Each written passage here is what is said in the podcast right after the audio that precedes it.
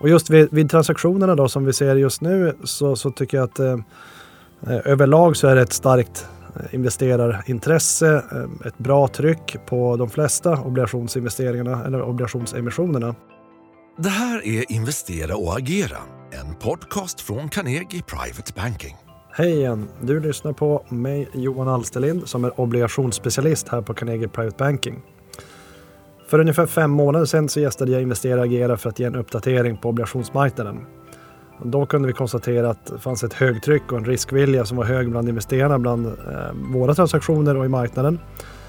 Eh, sen har det varit en, en eh, ganska stabil sommar där vi inte haft jättemycket action egentligen och då har vi också valt att, att vänta med nästa uppdatering. Men nu har det ju hänt en del så här, så här kommer det lite, lite nytt. Och det pratas nu mycket om inflation, Eh, höjda räntor med en högre inflation. Så vi ska i dagens avsnitt resonera kring hur detta påverkar obligationsmarknaden och hur jag tycker att man ska agera i sin obligationsportfölj. Eh, börja med marknadsläget där vi som sagt har sett en stabil marknad över sommaren. Det var många som har suttit med en stor kassa men där säljarna lyste med sin frånvaro. Emissionsmarknaden kickade sedan igång flödet ordentligt under hösten, början på hösten. Eh, och exekveringen blev då lättare eh, för oss. Eh, när det kommer mycket emissioner så behöver också större investerare sälja av en del befintliga investeringar och då oljas maskineriet kan man säga igång igen. Då. Sen under hösten så har vi ju fått en lite skakigare period. September-oktober har ju historiskt sett varit lite skakigare månader och det har vi även sett den här gången. Då. Men det finns fortfarande mycket likviditet vid sidlinjen och känslan är att många kunder fortsatt har en hög riskvilja. Ehm, men att den stora mängden emissioner både inom aktie och räntemarknaden tillsammans med högre volatilitet när man fick den här skakigare marknaden då, så gör det att investerarna också har blivit lite mer kräsna. Det här avspeglar sig tycker jag då i, eh, för, för våran del i något högre kupongnivåer vid eh, vid vissa obligationsemissioner. Eh, man kräver helt enkelt en högre ränta för att ta vissa risker idag. Då.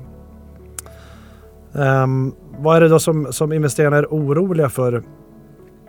Det är återkommande temat eh, kan man väl säga högre inflation. Uh, därigenom då också högre räntor.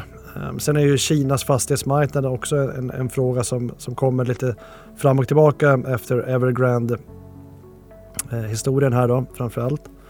Eh, där finns det fortfarande mycket oklart och, och vart det ska ta vägen men, men jag tror att spridningseffekterna till, till den globala ekonomin ser vi kanske inte riktigt eh, så illa på som man var rädd för i början. Då. Men det är värt att hålla koll på.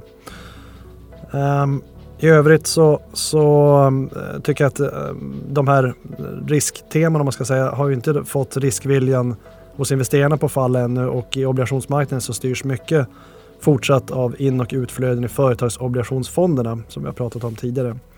Så att så länge det är eh, hyfsat stabila flöden eh, in i fonderna eller åtminstone inte stora utflöden så kan man se eh, ett bra tryck i obligationsmarknaden. Då. Och just vid, vid, transaktionerna då som vi ser just nu så, så tycker jag att eh, överlag så är det ett starkt investerarintresse, ett bra tryck på de flesta obligationsinvesteringarna eller obligationsemissionerna. Men, eh, investerarna, eh, men investerarna har också börjat eh, screena mellan emissionerna och eh, ja, men, är lite mer picket skulle jag säga på vilka investeringar man ska göra. Då.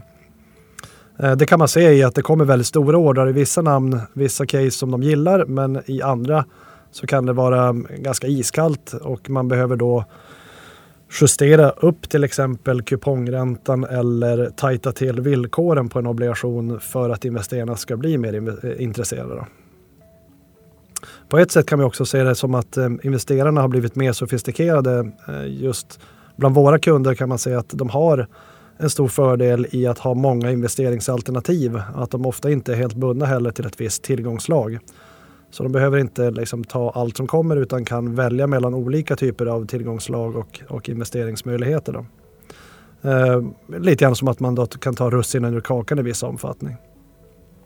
Samtidigt kan man ju också, eh, tycker jag, höja en liten varningsflagga därför att, att det är lätt i en sån här marknad när riskviljan är stark att man också bara vill ha det som går bra. Och då kan man ju tänka sig att om man bara har sånt som går bra i ett marknadsläge så kommer man ju i en svag marknad förmodligen också ha mycket som också går dåligt. Så att man behöver nog gärna då se, tycker jag, en, eh, att man får en spridning i portföljen där. Vi kommer in på det sen då.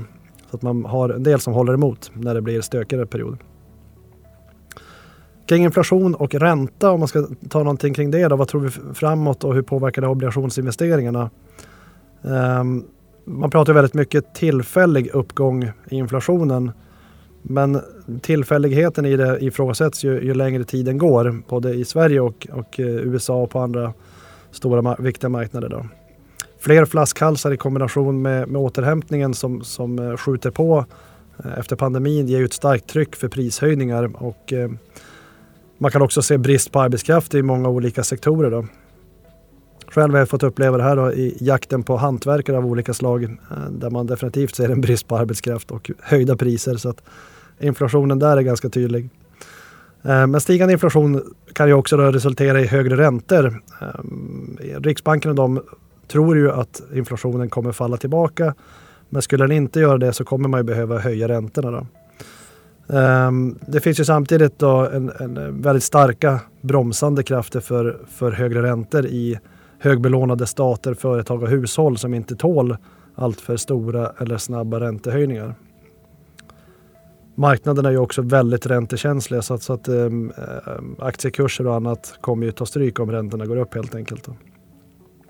För obligationsinvesterare i Norden och i Sverige framförallt då, så är ju något stigande räntor i princip enbart positivt och obligationerna till stor majoritet är kopplade till rörliga basräntor då, som i Sverige då är Stibor tre månader. Högre räntor skulle då ge högre räntebetalningar på obligationerna, det vill säga en, högre, en ökad avkastning på, på sina innehav. Och, eh, men då, som jag, som jag nämnde så riskerar ju eh, högre räntor, om det är lite oväntat att de räntehöjningarna kommer, så kommer det också kunna ge då kursfall på, både på börsen men också eh, avspegla sig i sjunkande kurser på krediter, framförallt de som är lite högre risk. Då. Och det kommer att göra det svårare för företagsobligationsfonder att leverera avkastning eh, vilket kom, kan leda till en ny situation som vi hade förra våren där man får mycket utflöden och eh, stora kursrörelser även på obligationsmarknaden. Då.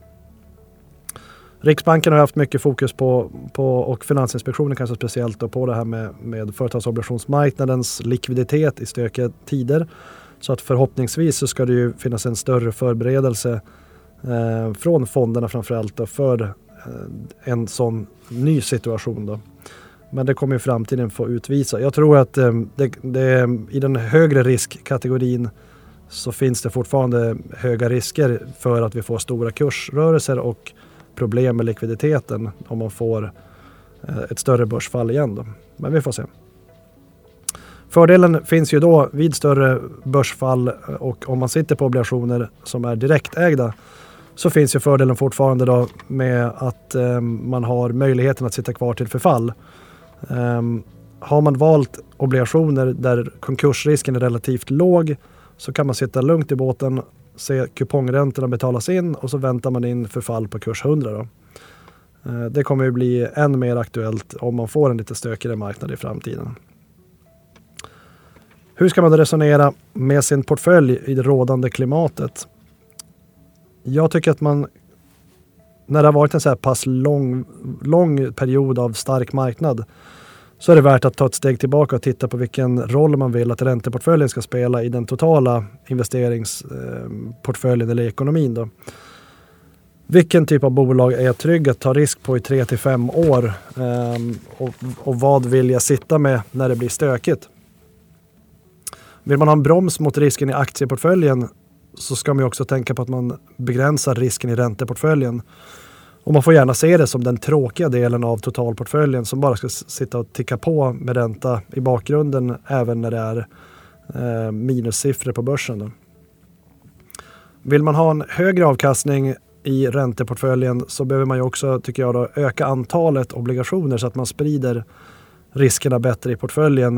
Eh, se till att ha kanske mer mot 15-20 innehav åtminstone i portföljen då, så att eh, varje enskild investering blir relativt liten i sett till totalens, totala storleken på portföljen. Då.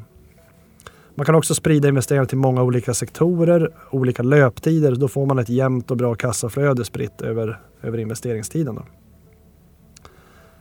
Sen om man tittar på hur pipeline ser ut för transaktioner framåt här nu. Många kunder gillar att vara med på emissioner och eh, vi är väldigt aktiva skulle jag säga i eh, de emissionerna som Carnegies Debt Capital Markets avdelning kommer med.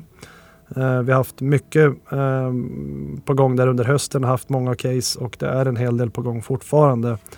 Idag inte minst så har vi då ett case från fastighetsbolaget Beskab som är en grön obligation eh, förfall 2024 som avkastar ungefär 4,5 procent som ett konkret exempel på vad som finns i marknaden. Då.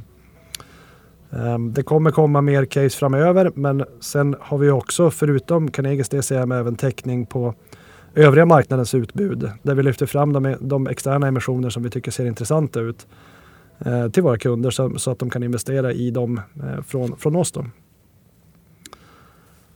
Det var allt för min del. Tack för att du har lyssnat. Om du vill fördjupa dig mer i ämnet rekommenderar jag att ta kontakt med din rådgivare. Är du inte kund ännu så finns kontaktvägar på carnegie.se privatebanking.